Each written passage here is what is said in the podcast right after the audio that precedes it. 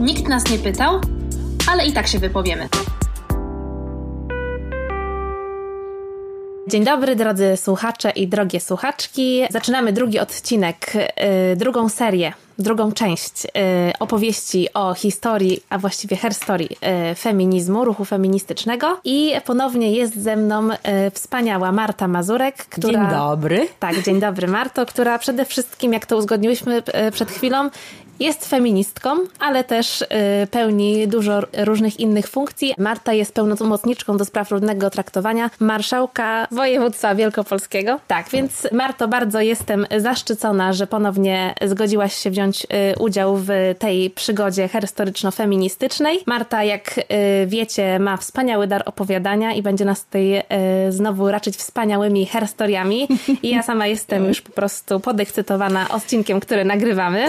Świetnie Świetnie, bardzo dziękuję. Co za reklama. Ojej, muszę sprostać y, takim standardom, które Ach, teraz Marta, mi tutaj to po prostu i tak jest nic w porównaniu, w porównaniu z tym, co nam tutaj e, ponownie e, zaserwujesz. Bardzo się cieszymy, że e, dostajemy wiadomości, które wyrażają aprobatę dla naszego pomysłu na temat przedstawienia herstorii ruchu feministycznego. Wiadomo, że temat nie zostanie wyczerpany w takim stopniu, jakim byśmy sobie tego życzyły, ale mamy nadzieję, że to będzie dla Was przede wszystkim inspiracja do dalszych poszukiwań i do tego, żeby przede wszystkim wiedzieć, że prawa o które i przywileje, którymi możemy się teraz cieszyć jako kobiety, nie wzięły się znikąd, a były okupione walką i poświęceniem wielu naszych sióstr, babć, y, prababek. I to jest, y, wydaje mi się, bardzo ważne, ponieważ jak się sami przekonacie, jak myślę przekonałyśmy Was w poprzednim odcinku, y, walka trwa i to wszystko nie jest oczywiste i wydaje mi się, że mimo tego, że mówimy o herstory, o tym, co było i rozmawiamy sobie o...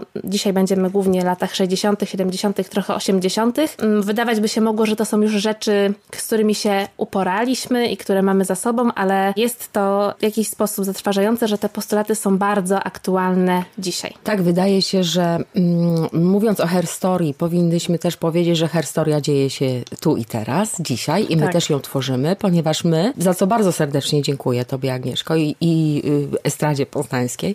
Y, my y, tym programem, tym podcastem, tą naszą rozmową również y, uczestniczymy w takim mm, budowaniu świadomości, ale też w tej walce emancypacyjnej. Ja jeszcze tylko wspomnę o takim bardzo wpływowym obecnie amerykańskim filozofie politycznym, który stwierdził, że żadna rewolucja, y, żadne wydarzenie w historii ludzkości y, nie było tak ważkie i tak donośne jak emancypacja kobiet. Dlatego ta emancypacja kobiet, ona wciąż trwa, ona, czy ta rewolucja wciąż trwa i dlatego ciągle mamy takie zakusy rządzących obecnie mhm. u nas również na to, żeby ograniczać te, te prawa raz wywalczone, te swobody, swobody obywatelskie również, mhm. ludzkie, człowiecze, tak. Y, które y, mamy i to, jak mówisz, walka nigdy się nie kończy i prawa raz wywalczone nie są dane na zawsze. Tak, więc przytomność i jest i znajomość herstorii wydaje nam się tutaj e, kluczowa. No i co? I e, przechodząc do tak zwanego meritum, dzisiaj będziemy rozmawiać e, według takiego podziału przyjętego w ruchu feministycznym o kolejnej fali myśli feministycznej. Tym razem zajmiemy się drugą falą, a są trzy, więc następny odcinek, jak możecie się domyślić, będzie poświęcony trzeciej. Taki spoiler. I dzisiaj będziemy rozmawiały pewnie głównie o feminizmie amerykańskim, trochę trochę powiem o europejskim i e, trochę może, jeżeli nam starczy, wspomnieć o ciekawej wątku z polskim feminizmem, ale jeśli nie, to nie martwcie się, szykuję dla Was specjalny odcinek o e, tylko polskich wątkach feministycznych, historycznych, więc nic straconego. Super. Uważam, że e, bardzo warto specjalny odcinek temu poświęcić. Tak, więc Proszę, y, proszę się nie obawiać, nie pomijamy tutaj wątku polskiego, ale po prostu wydaje mi się, że warto poświęcić mu osobną uwagę. No i co? I warto, wydaje mi się, tę opowieść o drugiej fali zacząć może od y, takiego też trochę przypomnienia, że właśnie ten termin druga fala i w ogóle ten y, termin związany z określaniem herstorii ruchu feministycznego metaforą fal właśnie powstał u myślicielek i działaczek właśnie w latach 60., 70., kiedy one zaczynały myśleć o prawach kobiet w już trochę innym kontekście, po wywalczeniu praw wyborczych, dostępie do edukacji, o tym, że są jeszcze inne pola do opowieści o wyzwoleniu i walką z dyskryminacją dotyczącą kobiet, więc nie oddzielając się i nie odcinając się od sufrażystek i od swoich sióstr, które walczyły o właśnie te prawa wyborcze, ale też mm, gdzieś tam po prostu e, podkreślając tę kontynuację i rozwój ruchu feministycznego, nazwały się e, feministkami drugofalowymi. Tak, no i, te... i y, jeżeli mogłabym się tutaj tak, e, wtrącić, myśmy wspomniały o tym, że ta falowość wiąże się też z takim pewnym szczytem, czyli osiągnięciem czegoś tak.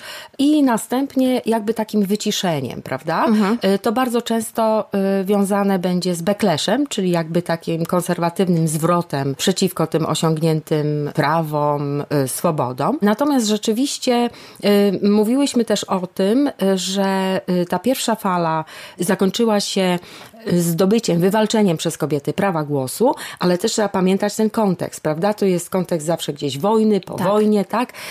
Takie kwestie się toczą i rzeczywiście mówiłyśmy tutaj o tym, że pomimo tego, że mm, podczas wojny kobiety sprawiły, że kraje nie podupadały, tak? Tylko sprawiły, że kraje funkcjonowały, okazały się zdolne do pełnienia tych wszystkich funkcji i zawodów powszechnie uznawanych za męskie, a następnie ci dzielni chłopcy wracają z frontu i one znowu muszą ustąpić miejsca i wejść do domu po to, żeby właśnie odrodzić e, tutaj naród, prawda? Tak, i żeby I społeczeństwo. wtrącone w te role matki, żony i opiekunki tak. dzieci. I w kontekście może tutaj amerykańskich w latach 50.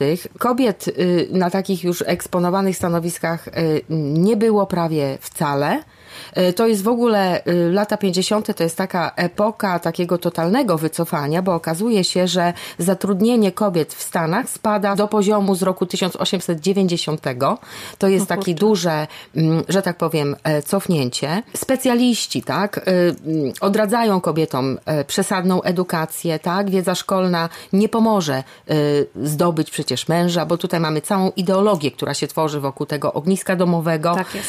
To jest bardzo fajnie pokazane pokazane, jeżeli oglądaliście, oglądałyście Godziny, y, film na tak. podstawie tak. powieści Michaela Cunninghama. Y, tam jest taka, ten film w ogóle nawiązuje bardzo mocno do kogoś, o którym musimy dzisiaj wspomnieć, do matki tej drugiej fali feminizmu, czyli Virginia Woolf. Tak. Książka jest jak gdyby y, takim y, uhonorowaniem tego wpływu Virginia Woolf i tam są trzy postaci kobiece w tym filmie. Jedną jest oczywiście Virginia Woolf, Nicole Kidman grają. Y, drugą, graną przez Julianne Moore, jest pani Brown. Pani Brown pochodzi z tytułu eseju z kolei Virginia Woolf, tak? Mhm. Takiej, co ta pani Brown siadła do pociągu i co ona sobie tam myśli.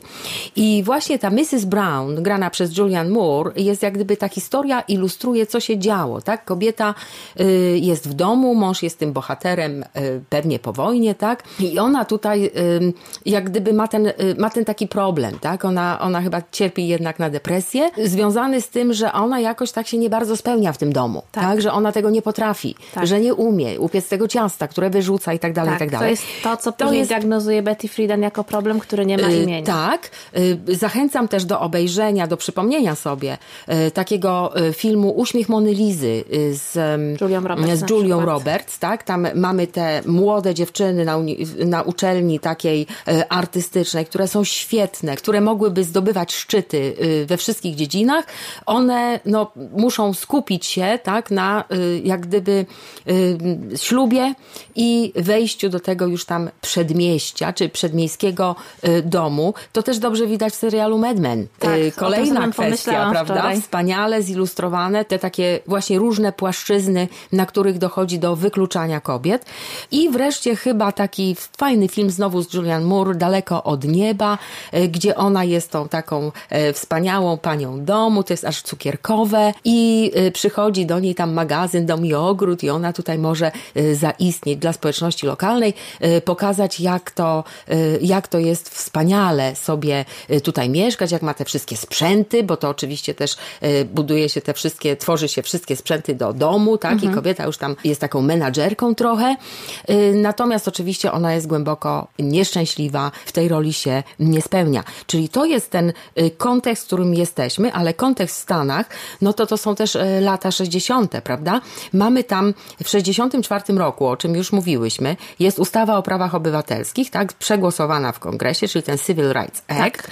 I znowu uaktywnia się taki polityczny feminizm, że tak powiem. Kobiety uaktywniają się politycznie. Trzeba jeszcze pamiętać, że jest to wspaniale. Lata 60. w ogóle to jest niesamowita epoka. Y, ten y, ruch praw obywatelskich, protesty przeciwko wojnie w Wietnamie. Tam się tworzy w ogóle cała nowe, y, te tak zwane nowe ruchy społeczne, czyli nowa lewica. Tak. I na tej właśnie fali ruchów społecznych również dochodzi do głosu jak gdyby zauważenie, że dyskryminacja kobiet jest powszechna, ale o niej się w ogóle nie mówi i tak się tego nie nazywa. Tak jest. I właśnie to jest doskonały wstęp, żeby opowiedzieć o tym, że mówiąc o feminizmie drugofalowym, możemy wyodrębnić jakby dwa rodzaje feminizmu głównie, które gdzieś tam się sytuują. No i to jest ten feminizm liberalny i feminizm radykalny, który ma można powiedzieć, kilka odcieni, kilka odłamów i w, jakby w jego obrębie można zaklasyfikować, czy po prostu opowiedzieć o różnych myślach i różnych wykluczeniach, które w samym takim ruchu feministycznym zostały gdzieś tam pominięte.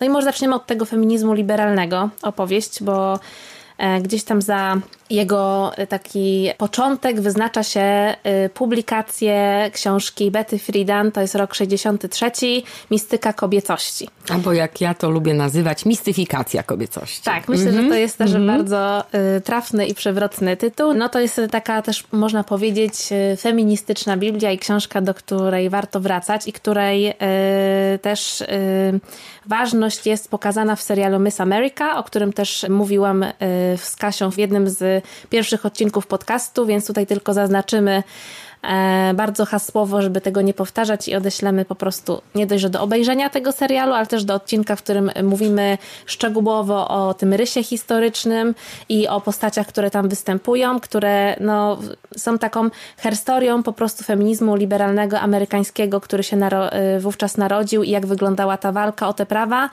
i pokazuje ten serial tę walkę z dwóch stron. Tych przeci przeciwniczek Krajowej Organizacji Kobiet, yy, które walczą walczą właśnie o tę y, poprawkę do konstytucji i samych po prostu feministek, które ten ruch y, feminizmu liberalnego tworzą, więc e, pozycja obowiązkowa i to jest też jakiś taki, wydaje mi się, e, nas, mm, ważne wydarzenie w, w popkulturze, które, y, związane z tym, że taki serial herstoryczny e, powstaje i to w jaki sposób on jest opowiedziany też wydaje mi się niezwykle interesujący i bardzo, bardzo polecam. Tu warto mm, też wspomnieć kontekst, w którym ta y, książka powstała. Ona jest naprawdę taką pokaźną, taki, taką, takim brykiem. Tak, może jest wydana, jej tak, wielkość. Y, jest wydana y, po polsku przez tak. Czarną Owcę, więc warto po nią sięgnąć. My zresztą tę listę tam udostępnimy tak przy opisie podcastu.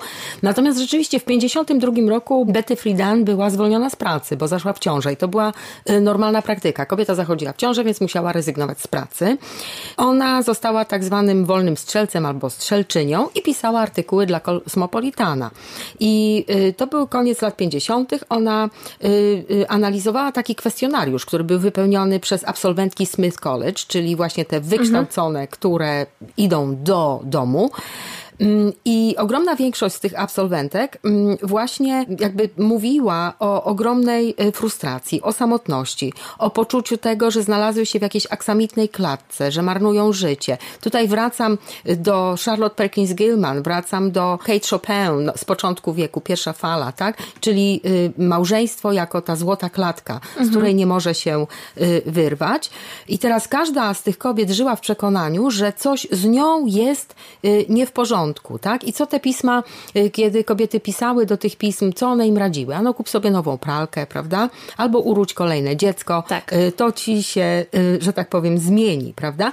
I teraz trzy kolejne pisma odrzuciły artykuł Betty Friedan, który napisała na podstawie analizy właśnie tego, tych listów czytelniczek. I ponieważ one to odrzuciły, to ona usiadła i napisała książkę prawda? Napisała tak. książkę, która stała się taka, taką książką rewolucjonizującą świadomość, bo okazało się, że, żadna, że każda z tych kobiet jakby przeżywała to w samotności, myślą, że coś z nią jest nie tak, tak. a okazało się to powszechnym, systemowym wręcz problemem. Ona to nazwała takim nienazwanym problemem, tak? tak? Czyli tą mistyką albo mistyfikacją kobiecości. Bardzo wielu mężczyzn w ogóle kupowało tę książkę jako prezenty dla swoich żon, ale mhm. również też jakby ją też e, czytało. Czyli rzeczywiście ta książka jest uznana e, za taki kamień milowy już e, w tej drugiej fali feminizmu. Ale zastanawiam się, czy nie zechciałabyś może jednak wrócić trochę i powiedzieć o matkach, w ogóle tego feminizmu, tej drugiej fali, bo tak naprawdę to my powinnyśmy wrócić do 1929 roku no to wróćmy. i do opublikowanych e, esejów Virginia Woolf pod tytułem Własny pokój, bo taka intelektualna inspiracja dla drugiej fali to tak naprawdę jest, e, zawiera się w tych e, esejach Virginia Woolf. Z czym to się wiąże? Jeżeli pamiętamy, Virginia Woolf stworzyła taką świetną metaforę własnego pokoju. Mhm. Czyli ona mówi o twórczości, tak? Mm, o tym, kiedy kobieta może tworzyć, bo jak wiemy, chodziła po tych bibliotekach, z uczelni ją wyproszono, bo nie była y, w towarzystwie dżentelmena. Y, czyli ona tam patrzy na pewne takie y, otaczające dla kobiet przestrzenie, tak?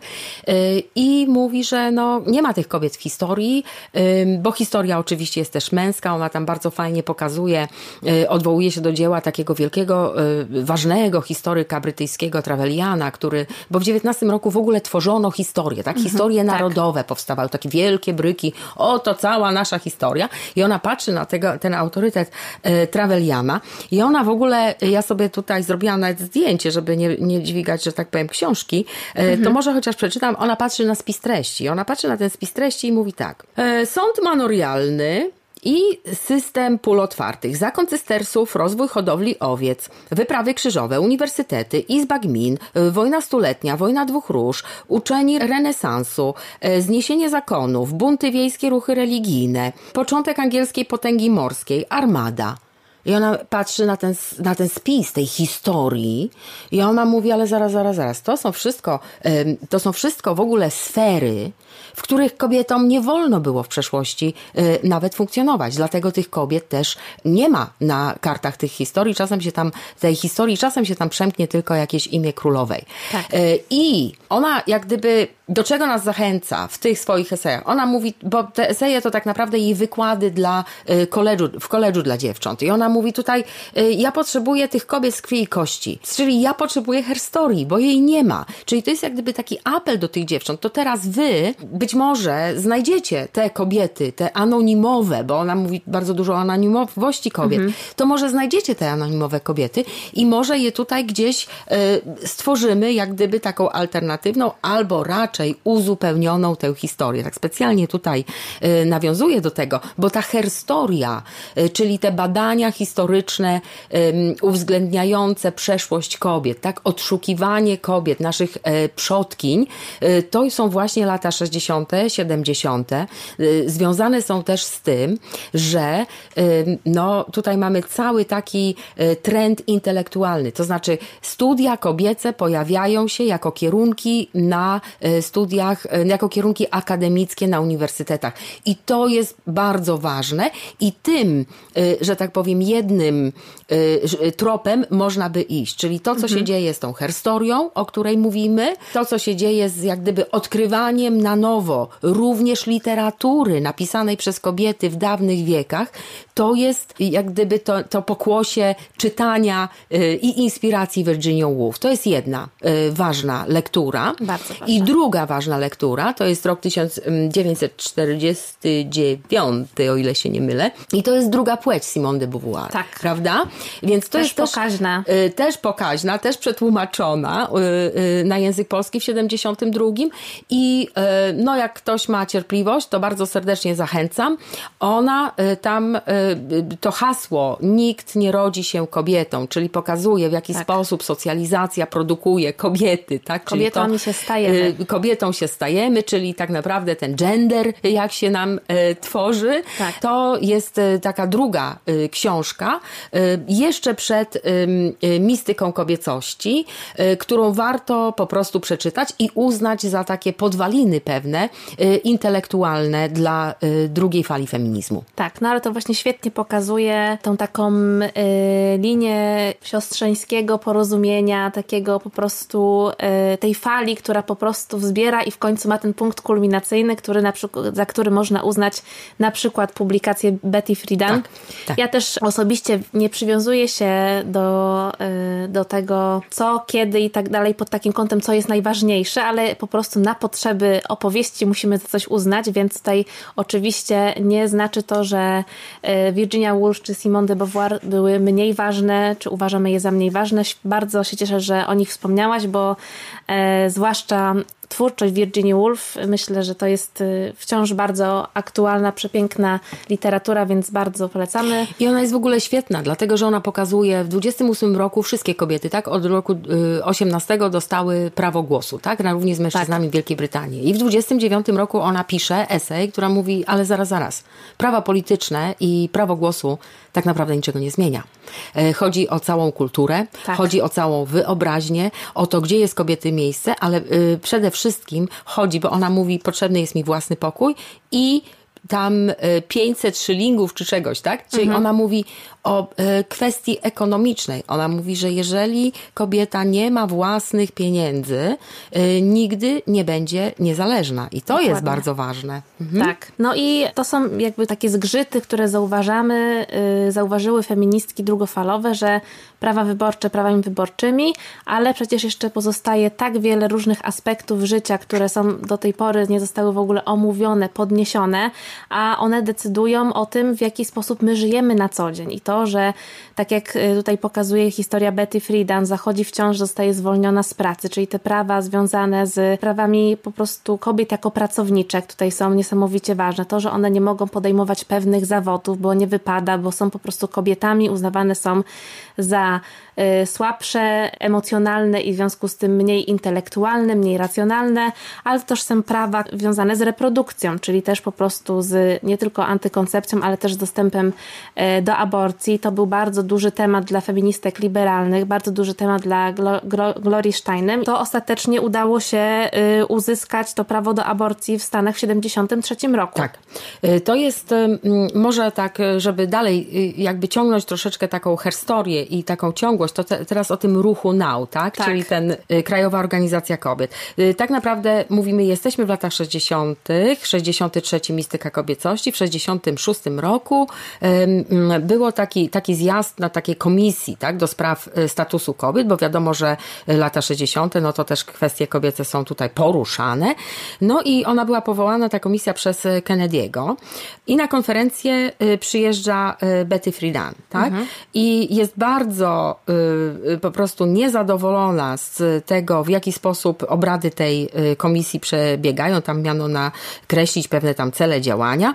I ona mówi, zaraz, zaraz, tutaj jest potrzebna jakaś organizacja, tak? Organizacja, czyli NGOs tak zwany, tak. tak? Organizacja, która mogłaby mówić w imieniu kobiet tak, jak to wcześniej mówi, robili na przykład abolicjoniści, tak? Mhm. Że tam byli Afroamerykanie i oni mówili trochę jednak w imieniu innych Afroamerykanów, a nie tam, że e, ktoś w rządzie sobie komisję zrobił bez ich udziału. Mhm. E, I, o, I ona rzeczywiście mm, e, wieczorem sobie tak siedziała i myślała, taką burzę mózgów sobie zrobiła, to przynajmniej taka legenda krąży, tak? I na serwetce napisała sobie N-O-W, tak. czyli w skrócie tak naprawdę to jest now, czyli tak. teraz, tak? Ale to właśnie National Organization of Women, czyli Krajowa Organizacja Kobiet. To też jest fajnie pokazywane w serialu Mrs. America, tak. jak się rodzą takie pomysły na serwetkach, prawda? Jak sobie tutaj tam stop, e, fajny akronim wymyśliły, mhm. a ona tutaj ten, e, ten akronim. I rzeczywiście e, ta Krajowa Organizacja Kobiet, która, z którą się kojarzy ten nurt liberalny, mm, no miała, ma swoje oddziały w całych tych Stanach Zjednoczonych, tak? I cele tutaj to, o czym mówisz, tak? Cele to przede wszystkim wpływanie na prawodawstwo, to y, polityka, to jest taki lobbying polityczny tak. właśnie i tam chodzi o to prawo aborcyjne, politykę urodzeń, przemoc wobec kobiet, tak? Czyli mm, też również rynkiem pracy się zajmuje, czyli tak. sprawiedliwość ekonomiczna. No i wreszcie można tutaj ten 73 rok, czyli ta kwestia, no, orzeczenie, że prawo do prywatności kobiety obejmuje również jej prawo do decydowania o przerywaniu ciąży. To było również y, efekt lobowania przez NAU, tak? tak? Y, y, przez te feministki, ale bardzo wiele innych bardzo ciekawych osiągnięć miały. Mm, na przykład to był wyrok sądu, orzeczenie sądu kalifornijskiego. Pamiętamy, że walczyły o to, żeby, bo jesteśmy po angielsku się posługujemy mhm. się angielszczyzną, prawda? Więc jest na przykład mister. Przed mm, tak. nazwiskiem mężczyzny było MR Mister i świetnie. Natomiast przed nazwiskiem kobiety, tak jak mamy Mrs. America, było albo, um, albo Miss, tak, czyli panna, niezamężna, tak. albo Mrs., czyli e, mężatka. Tak, czyli od razu w tytule, jak gdyby tym grzecznościowym, było ujawnienie, albo jest tutaj dostępna, albo już niedostępna, tak. prawda? I to Ale pokazuje już tą dysproporcję. Dysproporcję, czyli patrzenie na kobietę przez pryzmat tego, czy ona ma męża, y, czy nie, czy nie ma. Męża. I one sobie właśnie wtedy wywalczyły to, że kobieta, że, żeby była taka jak gdyby równość, tak? Jest Mister Myry i MS, czyli Ms się tak. mówi i to nie sygnalizuje, czy jesteś mężatką, czy nie jesteś twojego mężatką. statusu po prostu. Żadnego tego twojego statusu, który tam sobie na Facebooku dzisiaj zaznaczamy, bądź tak. nie, prawda? To, to jest też bardzo ciekawe.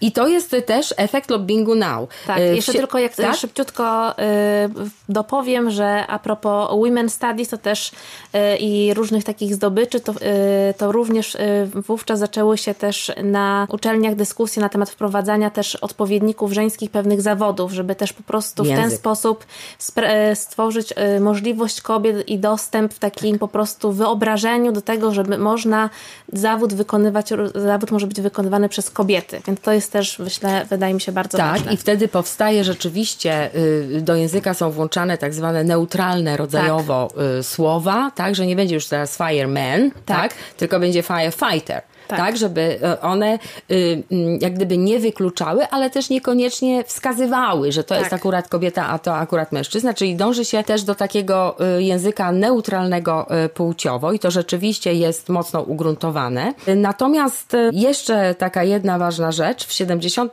taka ciekawostka mhm. może bardziej, w 79 roku amerykańskie Centrum Meteorologiczne zaczyna nadawać katastrofom naturalnym również męskie imiona.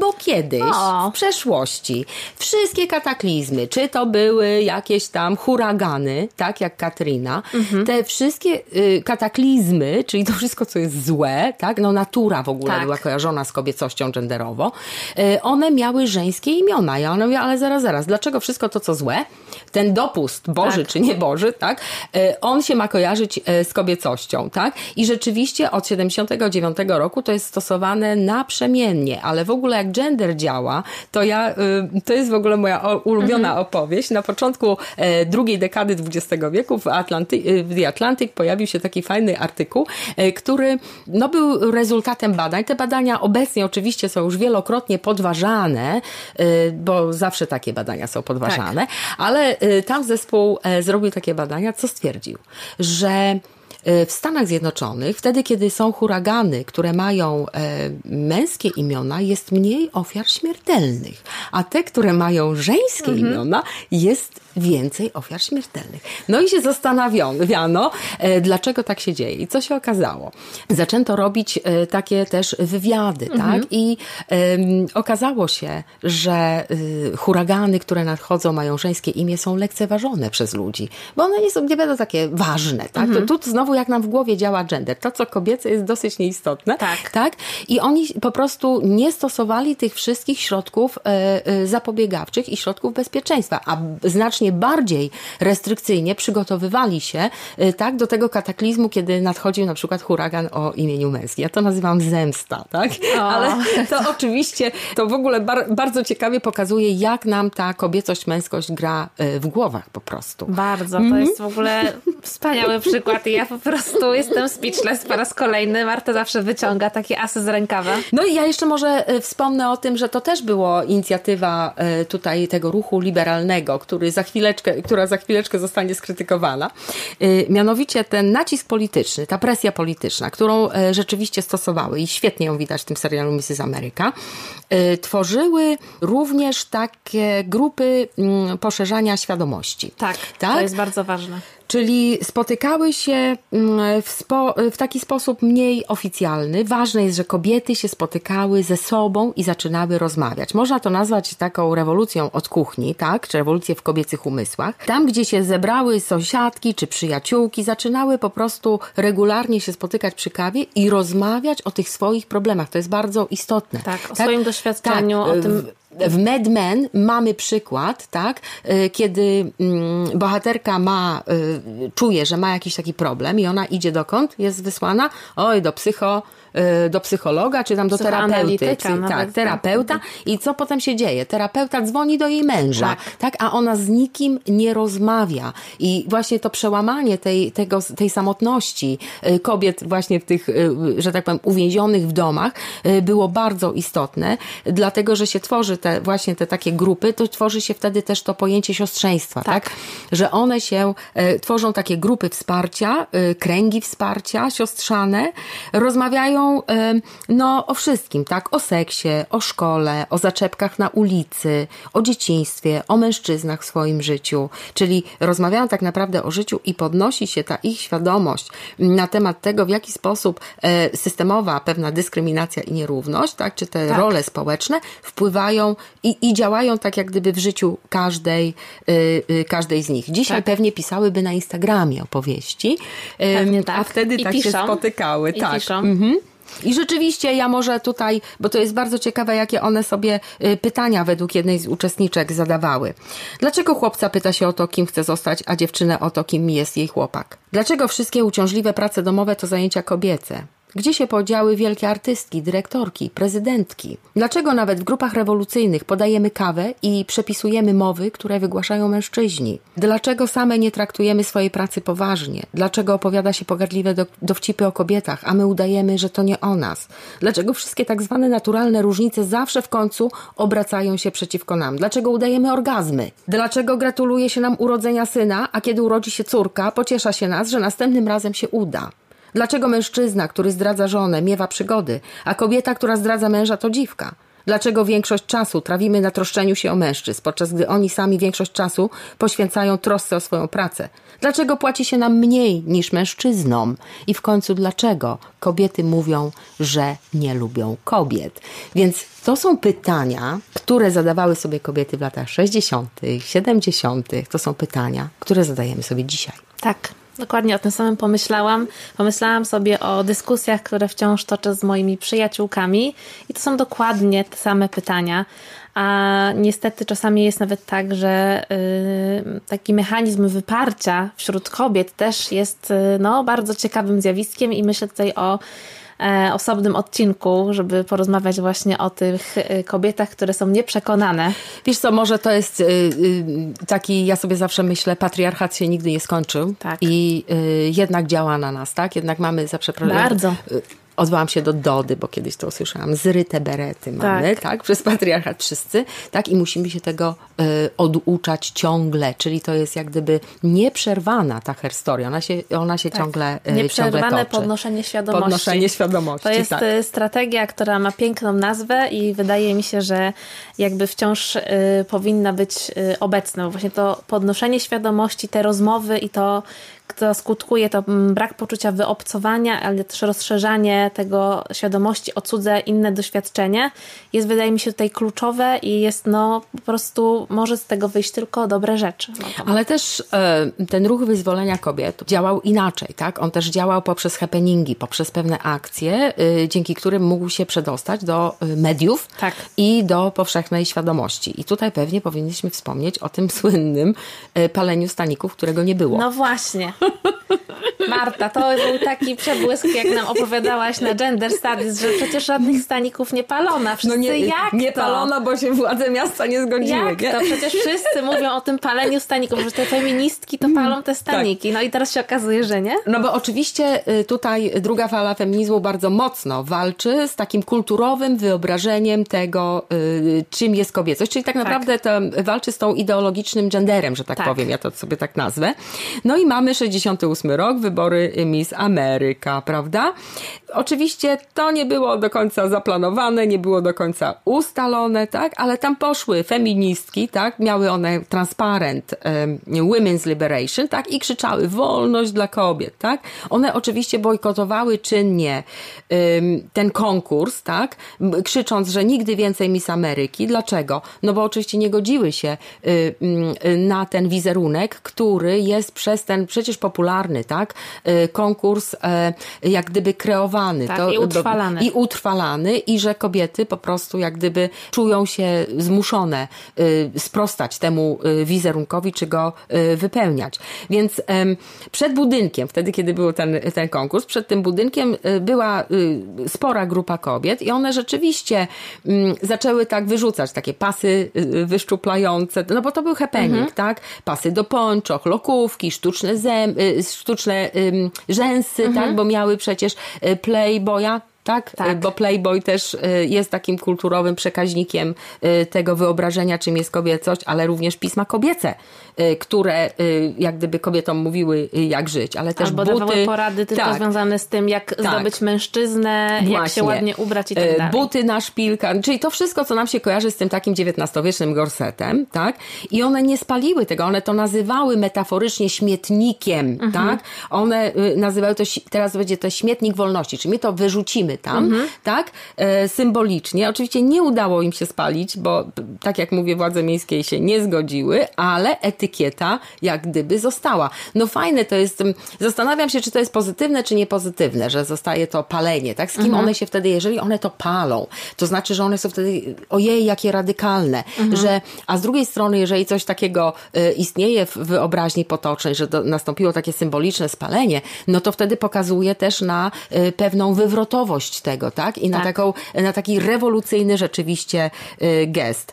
Ale mm, y, rzeczywiście one wtedy sobie jak, y, jak tak szły tam, tak? No to miały poczucie, że wow, fajnie jest być feministką, tak? Mhm.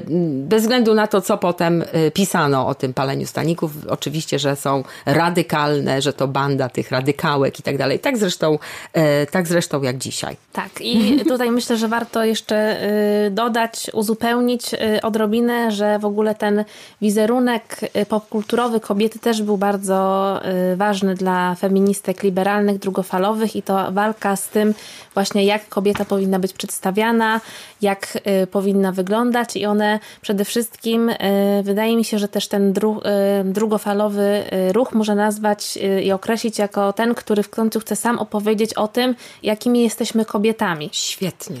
I tak. E, też tutaj działalność Glory Steinem znowu e, a propos magazynu Mys. Tak. Bo powstał taki magazyn, w którym, e, który właśnie prowadzony był przez feministki liberalne, w którym to one same chciały stworzyć pismo dla kobiet o kobietach i żeby w końcu przestała być prowadzona jakaś taka narracja a propos jednego typu kobiecości. No ale jak pokazuje też świetnie to ten serial Miss America, nie było to określone gdzieś tam jakimiś pułapkami.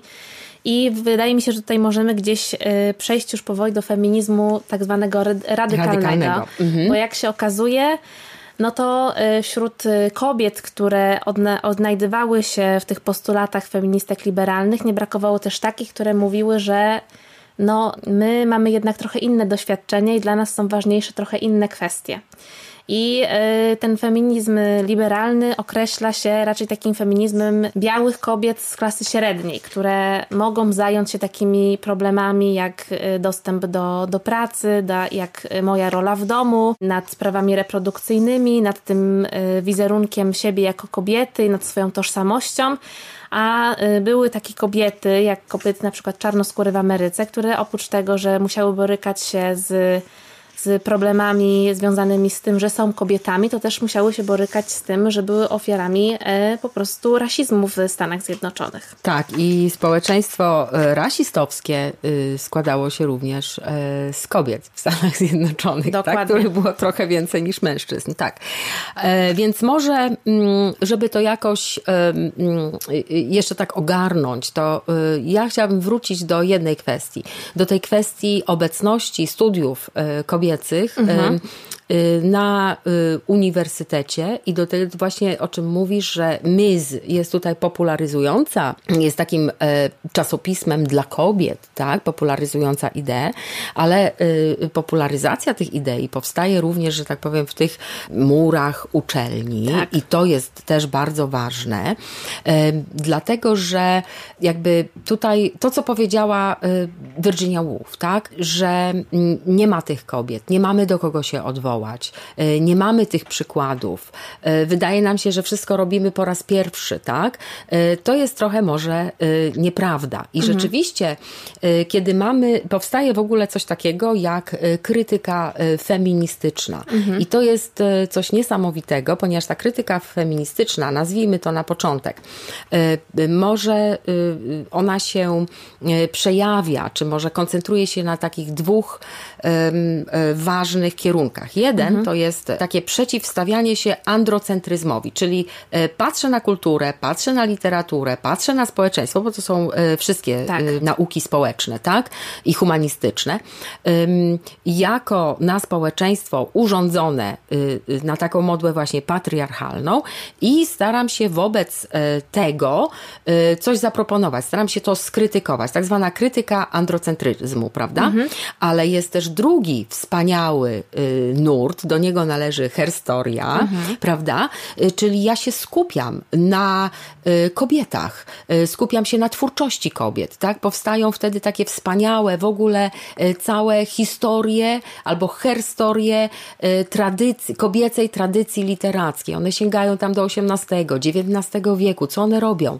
One reinterpretują te wszystkie mhm. dzieła, które nigdy nie były uznane za dzieła wybitne, bo w XIX wieku e, wiadomo panowała taka, e, jak gdyby taki e, podwójny standard, czyli jak byłaś kobietą, to od razu krytycy tak? tak? Powiedzieli, że to jest kiepskie. Dlatego kobiety bardzo często przyjmowały te imiona, tak? I nazwiska męskie po to, żeby ukryć swoją płeć, żeby y, krytycy literaccy, czy tam ci w tych gazetach, czy gdziekolwiek, tak? Żeby nie brali tego czynnika płci pod uwagę.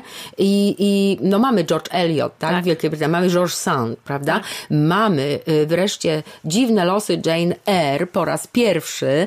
Y, ta powieść ukazała się nie pod nazwiskiem Charlotte Bronte, tylko pod nazwiskiem, pod jej męskim pseudonimem, właśnie po to, żeby uciec od tej krytyki. I teraz to, co robią um, wspaniałe um, badaczki, naukowczynie, tak, um, literaturoznawczynie, socjolożki, mhm. one wracają do tych dzieł, one je w ogóle reinterpretują, pokazują inne sposoby patrzenia, jak gdyby odkrywają je na nowo. Czyli one poprzez to swoje zwrócenie się do literatury, literatury również, tej kultury stworzonej dawniej przez kobiety, one tworzą właśnie taką historię, tak? Mhm. taką tradycję y, twórczości kobiecej, co oczywiście y, zapoczątkowała i tak zainspirowała bardzo mocno y, no, Virginia Woolf, mówiąc o tej siostrze tak. Szekspira, prawda?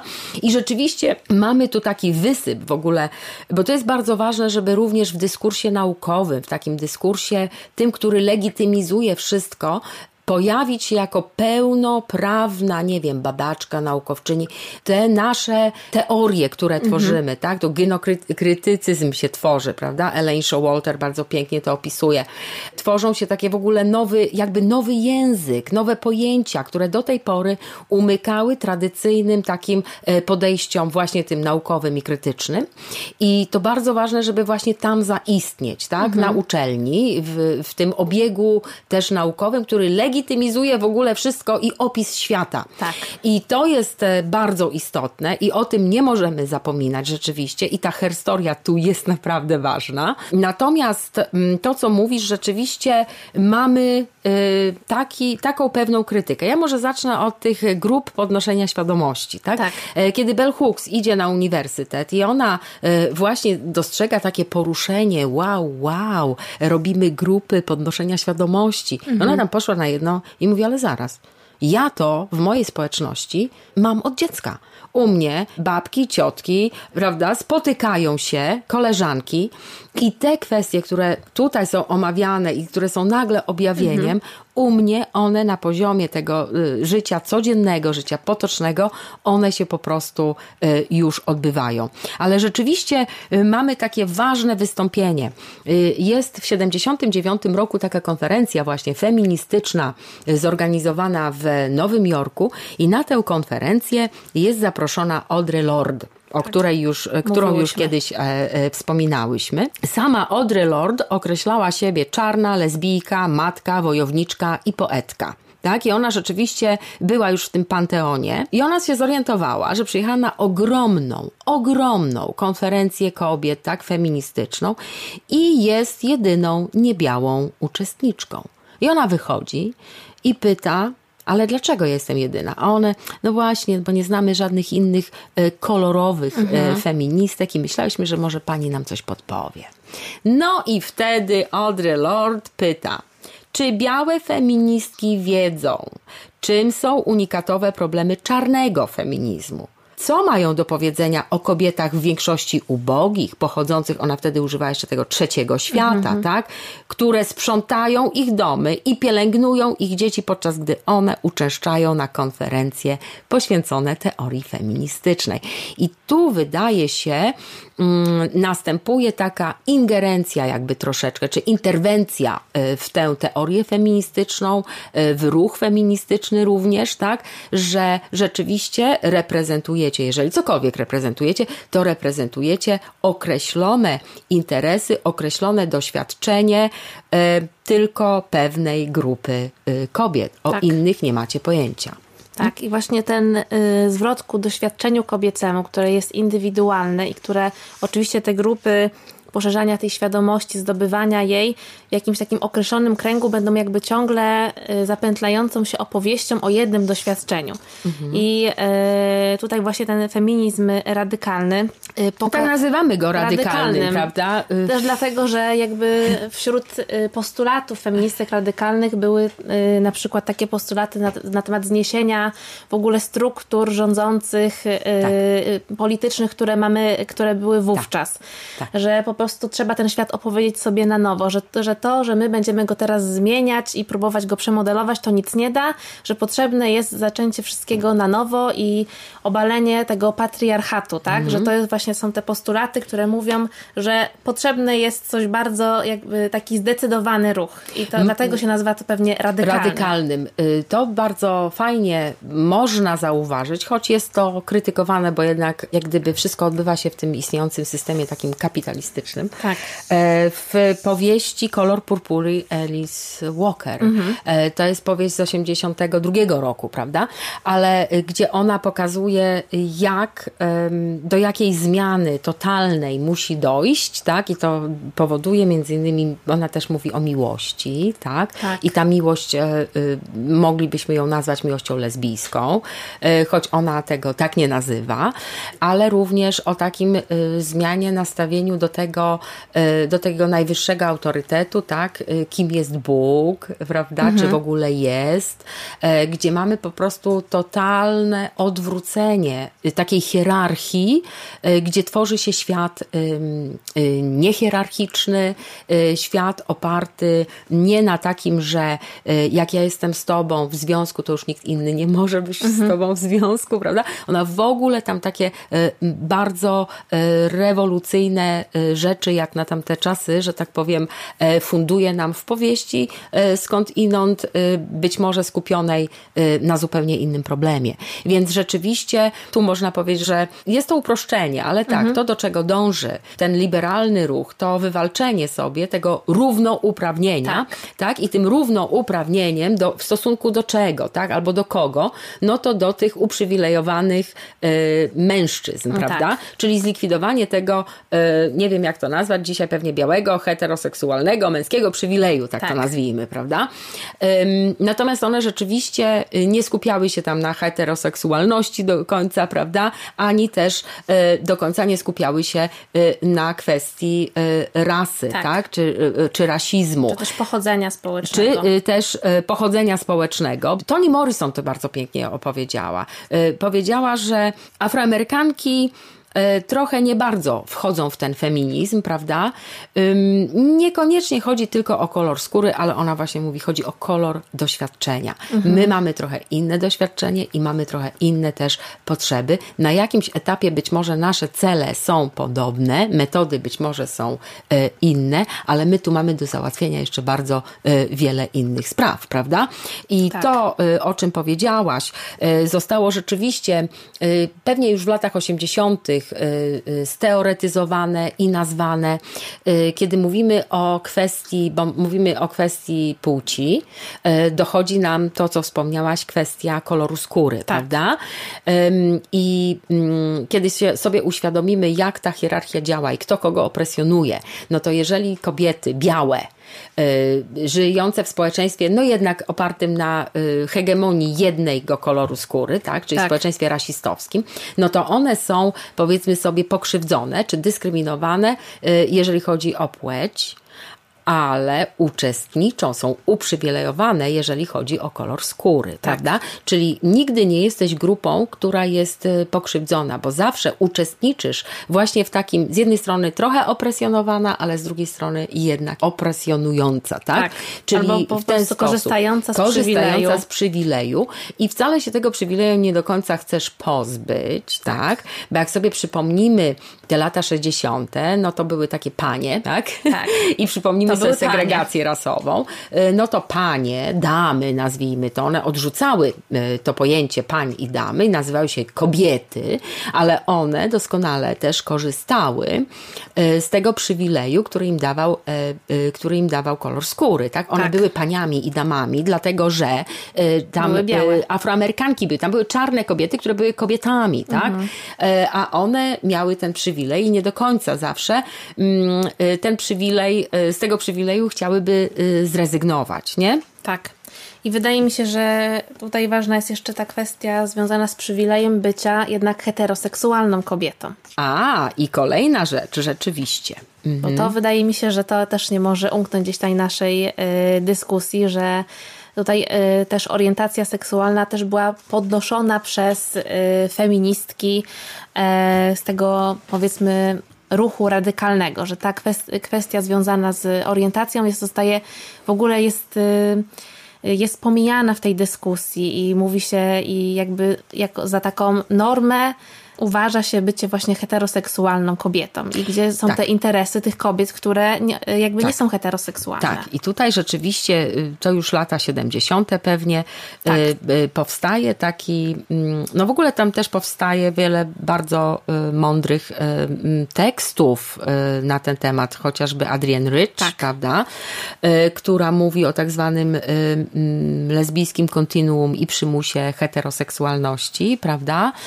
Mamy Monique Monique Wittig, która y, też y, świetnie tematyzuje w odniesieniu troszeczkę tutaj, no nazwijmy to do teorii takich marksistowskich, że rzeczywiście lesbijki są postrzegane jako takie buntowniczki, tak? Mhm. Bo one się y, jak gdyby sprzeciwiają, tak? One w ogóle istnieją poza tą e, sferą e, relacji z mężczyznami. Mówimy o relacjach e, tutaj prywatnych, mhm. prawda? Czyli lesbianizm można by potraktować jako pewną i do tego też dążono, taką narrację też tworzono, jako pewną postawę polityczną, tak? tak? E, po, oporu e, wobec takiego właśnie e, heteronormatywnego tego przymusu, tak? Mhm. Przymusu do heteroseksualności seksualności i no były takie postulaty, że wszystkie feministki powinny zostać lesbijkami, prawda? Mhm. Czyli wyzwolić się y, z tej, y, no jednej z podstawowych takich, tak, relacji, w których są e, w ogóle kobiety, kobiecość, tak, tak postrzegana, y, czyli z tych relacji heteros, z tej matrycy heteroseksualnej, tak?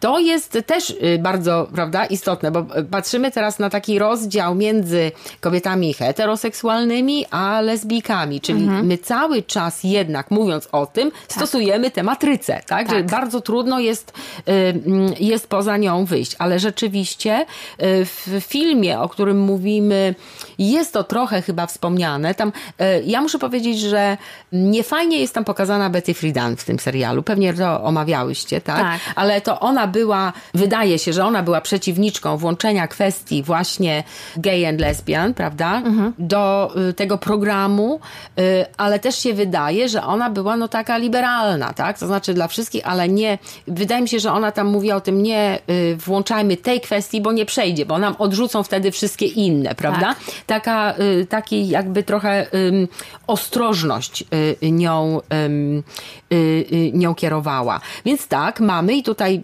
bardzo serdecznie rzeczywiście y, polecamy Adrienne Rich. Tak, Monique Wittig, ja nie wiem, czy ona jest przetłumaczona na polski. Nie, sądzę, nie, nie widziałam. Ale, ale Adrienne, Rich tak, y, na pewno pozycji. będziemy y, mogły to też jak gdyby zareklamować. Jest też super książka o macierzyństwie Adrienne Rich, którą też podamy. Tak. No y, i tak. I, A ona jest na przetłumaczona na polski? Tak, tak, tak. Jest? Tak? Jest, o, jest. świetnie. Jest, nawet ja mam ją. Naprawdę? Tak, no to ale to trzeba było wyszperać na Allegro. Zrodzone stare, z kobiety. Tak, bardzo stare wydanie, więc mogę pożyczyć. Super, świetnie. Tak. No więc y, gdzieś tam zmierzając ku końcowi w tej opowieści, y, ja jeszcze muszę powiedzieć o jednej y, dla mnie bardzo ważnej rzeczy, y, bo tytuł tego odcinka to jest prywatne, jest polityczne. Mhm. I wydaje mi się, że taką y, gdzieś tam Y, na zakończenie warto powiedzieć właśnie, że, y, że to, mm, że to stwierdzenie z eseju Karol Heinisch o tym samym tytule bardzo też dobrze oddaje mm, to, o, jakby o, o co walczyły feministki drugofalowe i to, co pokazywały, że ta sfera prywatna kobiecego doświadczenia jest takim polem politycznym i y, jest taką y, walką, którą kobiety muszą po prostu rozpocząć, żeby zawalczyć o tą narrację, którą one będą mogły rozpocząć, opowiadać o sobie i opowiedzieć o tym, jak one chcą być traktowane, jak chcą być postrzegane. Wspaniale, tak. Wydaje się, że tutaj tym tekstem założycielskim to byłby polityka seksualna Kate Millett i tak, do niej tak. też damy link, bo ona jest przetłumaczona też też na polski, tak, tak żeby, to, y, żeby to sobie oczywiście w ramach y, lektury dodatkowej y, przejrzeć, ale to rzeczywiście prywatne jest polityczne jest bardzo ważne. Dlaczego? Dlatego, że ono, to hasło i w ogóle to podejście o moim doświadczeniu prywatnym na przykład bardzo mocno wybrzmiewa wtedy, kiedy mówimy o kulturze gwałtu, o tak. molestowaniu seksualnym, bo to też są bardzo mocno podnoszone kwestie. I w latach 80 80. mamy takie y, działaczki jak Andrea Dworkin czy Catherine McKinnon, prawniczka, tak, które właśnie pokazują w jaki sposób to, co sobie wyobrażamy, że jest seksowne. Tak? Mhm. To, co jest sexy, jak, w jaki sposób ono jest oparte również na y, takiej dominacji i nie jest to wcale dominacja umowna, tak. E, y, I na y, określonej, właśnie na takiej przemocy wobec kobiet, tak? Czyli tu cały ruch y, również, chyba z Andreą Dworkin, taką twarzą tego ruchu, byłby wskazany do, może nie wiem, przejrzenia czy do zajrzenia do niego, bo to też wtedy bardzo mocno się uaktywnia, jeżeli chodzi o takie dążenie do pewnej zmiany obyczajowości, tak?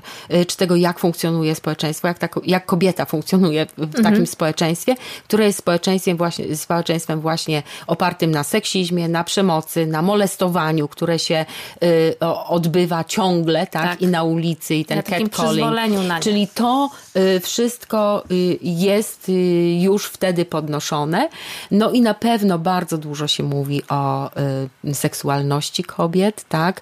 Y, o tym, w jaki sposób ta seksualność jest ciągle upupiana stawiana, jest ciągle, że tak powiem, hamowana, tak? I w jaki sposób po prostu kobiety są, no, są trzymane w ogromnych ryzach. Tutaj proponuję, i to jest związane również z no, krytyka instytucji mhm. małżeństwa. Tak. Ona się nadal tutaj toczy i tutaj przypomnę kobiecego eunucha Germaine Greer, tak. która jest bardzo fajną lekturą do poczytania, bardzo dużo nam uświadamia. Czyli to prywatne jest polityczne, to jest to dostrzeżenie mm, y, tego, że to, co mnie spotyka w moim y, prywatnym doświadczeniu, y, jest tak naprawdę przejawem systemowej nierówności, która jest jak gdyby działa jest oczywista, jest przezroczysta i tak naprawdę jest wspierana. Tak jest. I to też wydaje mi się świetnie y, pokazała, y, wracając tutaj do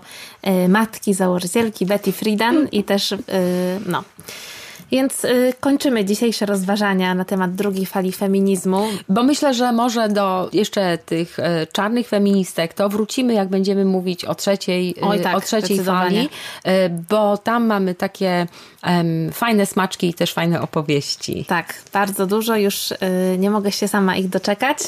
Więc oczywiście dla zainteresowanych podlinkujemy książki, gdzie można sobie trochę więcej poszukać na ten temat, zgłębić ten temat i na pewno szukać dalszych tropów, y, jeżeli chodzi o herstorię. I podlinkujemy też, e, myślę, filmy, bo tak.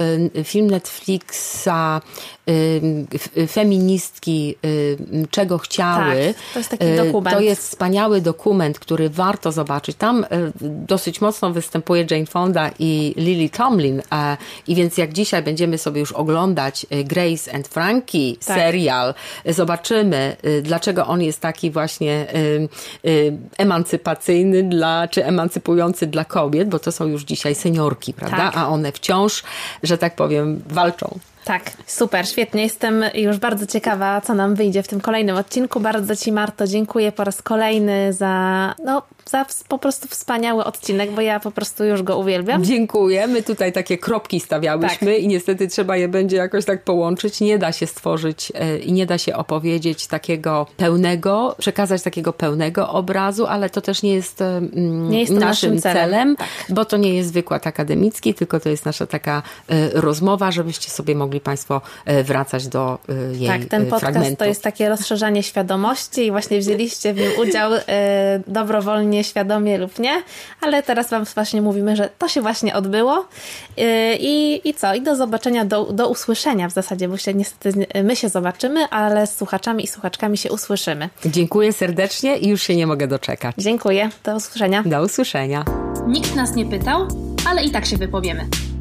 Producentem podcastu jest Estrada Poznańska. Wszystkie odcinki znajdziesz na estrada.poznan.pl.